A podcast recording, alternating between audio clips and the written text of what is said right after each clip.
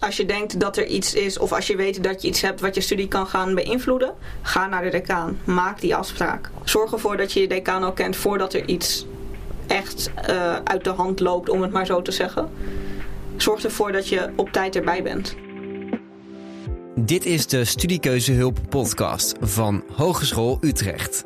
Speciaal voor ouders die hun kind willen begeleiden bij het kiezen van een studie. Want dat is niet zo makkelijk. In deze aflevering begeleiding in het hoger onderwijs. Wanneer en bij wie kan je aan de bel trekken als je op wat voor vlak dan ook hulp nodig hebt tijdens je opleiding? Ik ga het erover hebben met decaan Lianne van den Berg en student Samantha van der Rijst. Welkom allebei. Dankjewel. Dankjewel. Samantha, jij bent student leraar Nederlandse gebarentaal. En je zit hier niet zomaar, want we gaan het dus hebben over hoe je kan worden geholpen tijdens je opleiding. En je hebt, het daar, uh, je hebt daarmee te maken gehad, want je hebt dan, zoals het officieel heet, functiebeperkingen. Maar wij gaan het plusjes noemen, hebben we hier even besloten. Wat, wat zijn dat plusjes? Uh, voor mij zijn de plusjes slechthorendheid, uh, een emotieregulatiestoornis en een vermijdende persoonlijkheidsstoornis. Mijn slechthorendheid merk ik vooral in grote groepen. Dat ik niet goed mee kan komen in wat er gezegd wordt. Dus uh, in bijvoorbeeld hoorcolleges, als iemand achter mij zit te praten of met een zakje chips zit te kraken, ja, dat werkt voor mij niet. Dan kan ik de docent niet meer verstaan. Uh, en de andere twee plusjes, die zitten voor mij vooral in het reguleren van mijn emoties. Ik zit op dit moment in remissie, dus ik heb geen officiële klachten daarvoor, uh, daarvan. Uh, en in het vermijden van onbekende sociale situaties. En dat merk je ook tijdens je opleiding? Ja, zeker. Hoe merk je dat? Kun je dat uitleggen? Uh, vooral in het begin van mijn opleiding merkte ik dat ik uh, niet helemaal goed aan kon sluiten bij de klas. Ondertussen is dat wel gelukt. Ik zit nu natuurlijk in mijn vierde jaar, dus ik ga al een tijdje mee met mijn klas. Uh, maar in het begin vond ik het heel moeilijk om aansluiting te vinden bij mijn klasgenoten. Omdat ik het idee had dat zij mij niet begrepen. Ja. En je bent nu vierdejaars student. Klopt. Als je even teruggaat naar het begin toen je hier op de HU kwam. Uh, kan je nog herinneren hoe was die begeleiding en hoe was dat voor jou? Ja, ik uh, heb mij ingeschreven in Studielink. En ik heb ook een open dag bezocht uh, waarop ik de informatie over mijn huidige opleiding kreeg. En in Studielink kun je aangeven of je een plusje hebt of niet. Dat heb ik gedaan. En daarna heb ik een mail gekregen van onbelemmerd studeren. Om een gesprek in te plannen met een decaan. Dus eigenlijk een soort van kennismakingsgesprek over wat de mogelijkheden waren voor eventuele voorzieningen die je binnen de hogeschool kan gebruiken. Uh, ik heb dat gesprek, ben dat gesprek aangegaan voordat ik ben begonnen met mijn opleiding. Uh, om te bekijken wat de mogelijkheden voor mij waren binnen de hogeschool. Ja, dus eigenlijk al van tevoren was je heel erg bewust van, hè, ik, ik kan misschien hulp nodig hebben. Ja. En um, ik moet dus al naar de decaan toe. Ja, ik wist niet zeker of ik hulp nodig zou hebben tijdens mijn opleiding. Maar omdat ik bij een vorige opleiding merkte dat ik, toen wist ik nog niet dat ik plusjes had. En toen ben ik ook naar een decaan gegaan en daar werd ik niet heel goed geholpen. Uh, en daarom dacht ik nu, ik ondervang het eigenlijk om door voor mijn opleiding al in gesprek te gaan met een decaan. Ja, en zo'n decaan zit hier ook bij ons aan tafel, Lianne. Ja. Wat kan een decaan betekenen in de situatie van Samantha of van vele anderen, denk ik, hè, op, de, op de opleidingen die hier, die hier zijn? Ja, ja, decanen zijn er eigenlijk voor de studenten die uh, op de een of andere manier tegen belemmeringen aanlopen in hun studie. Of, uh, nou ja, zoals Samantha eigenlijk zegt, van tevoren verwachten dat ze mogelijk tegen belemmeringen aan gaan lopen. En dat kunnen hele verschillende uh, dingen zijn. Hè. Dat, dat kunnen uh, medische omstandigheden zijn, uh, fysieke omstandigheden of mentaal, die tijdelijk zijn of die een, een chronische aard hebben. Kunnen ook omstandigheden in de familie zijn, um, ja, die, die ook zeg maar, mentaal druk geven, maar het kan ook fysiek, hè, dat je zorgt voor een ziek familielid, mantelzorger bent en dat moet combineren met je studie. Er kunnen ook financiële omstandigheden spelen. Er, kunnen eigenlijk heel veel dingen spelen, gewoon in het leven van uh, studenten. Waardoor het studeren wat minder makkelijk zal gaan. En uh, ja, waarvoor echt wel mogelijkheden zijn om, om daarbij te ondersteunen. Soms heel praktisch. Uh, als je te maken hebt met dyslexie bijvoorbeeld, dan ben je gebaat met een voorziening als extra tijd bij toetsen. Nou, dan kunnen we dat regelen. Uh, soms betekent dat dat we gewoon echt op maat gaan kijken van wat, wat is er nodig. Uh, en, en kijken we mee in, in de mogelijke scenario's om de opleiding zo goed mogelijk te volgen. Met inbegrip van de impact die de omstandigheden kunnen hebben. Ja, en, en hoe gaan zulke gesprekken? Kan je dat vanuit jou als decaan eens vertellen hoe dat gaat? Ehm, Gaan we daarna aan jou vragen, Samantha. hoop ik dat we blij zitten. Uh, ja, dat hangt natuurlijk ook wel heel erg af met, uh, van de, de vraag waarmee een student binnenkomt. Uh, kijk, als we nu kijken naar het nieuwe studiejaar, bijvoorbeeld aan het begin van het studiejaar spreken we veel studenten die te maken hebben met ja, wat ze dan zo mooi noemen een functiebeperking of een, of een plus, maar die in ieder geval belemmerend werkten. Dus studenten met, nou, wat ik al noemde, dyslexie of met ADHD of met AS, um, waarvoor echt gewoon simpele, tussen aanhalingstekens, praktische voorzieningen getroffen moeten worden. Nou, dat moeten we op tijd doen in de studie, zodat er echt al tijdens een eerste toetsperiode bijvoorbeeld gebruik van gemaakt kan worden. Nou, dan is zo'n gesprek echt, uh, ja, waar gaat het om? Uh, vertelt de student wat er is, waar die bij gebaat zou zijn. dan, dan vragen wij altijd naar bewijs van omstandigheden, want we moeten wel echt weten dat dat ook zo speelt. En dan gaan we praktisch dingen regelen. Uh, het kan ook zijn dat een student binnenkomt met uh, ja, uh, mentale omstandigheden, burn-out klachten of persoonlijke omstandigheden in familiesfeer of wat dan ook. Ja, dan kan zo'n gesprek soms heel aarzelend op gang komen. Of beginnen met een praktische vraag en later in het gesprek blijken dat er toch meer speelt. En dan gaan we heel erg kijken van ja, wat, wat, wat speelt er dan en wat kunnen we daarmee. En dan is het uh, soms een kwestie van uh, ja, vooral de veilige sfeer van, de, van mijn spreekkamer zeg maar, creëren. En een student zich vrij laten voelen om daarover te praten en dat te delen. En dan is het soms een luisterend oor tot inderdaad van ja, wat, wat betekent dat, wat kunnen we daarmee? Ja, Samantha, hoe heb jij die gesprekken ervaren met je decaan? Uh, voor mij was het vooral kijken wat de mogelijkheden waren voor mij qua voorzieningen. Uh, ik heb uiteindelijk geen gebruik gemaakt van voorzieningen, maar voor mij de wetenschap dat ik bijvoorbeeld een toets kon uitstellen als ik dat nodig zou hebben qua stresslevels, uh, was heel erg prettig om te weten. En ik heb ook een keer met mijn studiebegeleider het erover gehad, uh, over aanwezigheidsplicht, die, die, ik eigenlijk niet kon voldoen doordat ik naar een psychologenafspraak moest. Die ik niet meer kon verzetten, maar het rooster veranderd was, waardoor het overlap had en ik eigenlijk niet op tijd kon zijn voor die les. En uh, daarin vond ik het heel prettig om te weten dat daarin de mogelijkheden waren om bijvoorbeeld minder aanwezigheidsplicht te hebben of geen aanwezigheidsplicht te hebben. Mm -hmm. Dat verschilt wel per opleiding natuurlijk. Uh, en bij mij was er gelukkig de mogelijkheid om dat te doen, maar dat is niet altijd het geval. Mm -hmm. Maar er is altijd iets mogelijk binnen de hogeschool. En dat vind ik zelf heel erg fijn. Ja, gewoon de gedachte dat er die mogelijkheden zijn, ja. is voor jou al eigenlijk genoeg dan? Ja, voor mij is dat genoeg geweest uh, om ervoor te zorgen dat ik niet eigenlijk verzoop in mijn stress.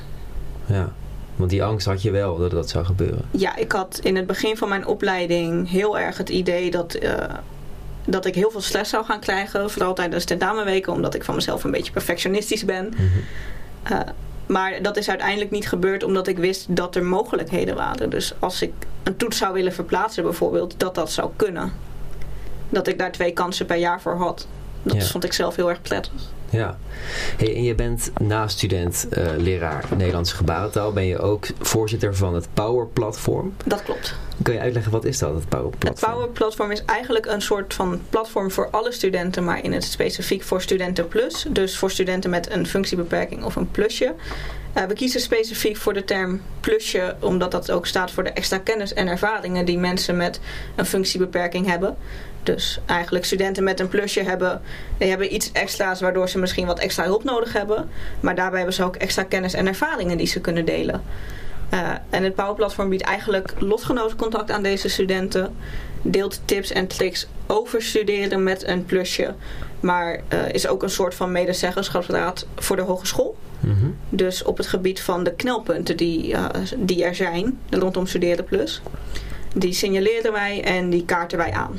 Ja, ja, dus ook op die manier uh, is er weer heel veel mogelijk voor studenten die wellicht uh, ja, beperkingen hebben, plusjes hebben en dus hulp nodig zouden kunnen hebben. Ja, klopt. Ja, dat je het er samen over hebt en uh, ze samen voor zorgt dat er, uh, dat er veel mogelijkheden zijn. Klopt. Ja, want wat hoor je dan van, van mensen als je daarmee praat? Um, is over het algemeen het gevoel dat het goed geregeld is hier op de hogeschool en dat er veel mogelijk is? Er is heel veel mogelijk, maar er zijn natuurlijk ook verhalen van studenten waarbij het soms wat lastiger is om dingen voor elkaar te krijgen omdat het een hele complexe situatie is. Dus daarin kan het wel verschillen per persoon, maar over het algemeen zijn de ervaringen wel positief. Ja. We hebben bijvoorbeeld uh, de dakterrassen op Heidelberglaan 15, die niet losstoel toegankelijk zijn. Uh, er is er eentje met een rolstoellift waar je op kan, maar er zijn een stuk of acht, negen dakterrassen. Daarbij hebben we samen met het bouwplatform een mail opgesteld naar de verantwoordelijke persoon om ervoor te zorgen dat het, alle dakterrassen toegankelijk worden. Dat, zijn, dat is een klein voorbeeld van wat wij als bouwplatform doen. Ja, ja, dat is dan misschien niet heel erg bedreigend voor je opleiding, maar wel voor het gemak en voor het gevoel dat je daar welkom bent en daar thuis bent ook. En dat je ook onderdeel bent van, van de opleiding, zoals het natuurlijk hoort.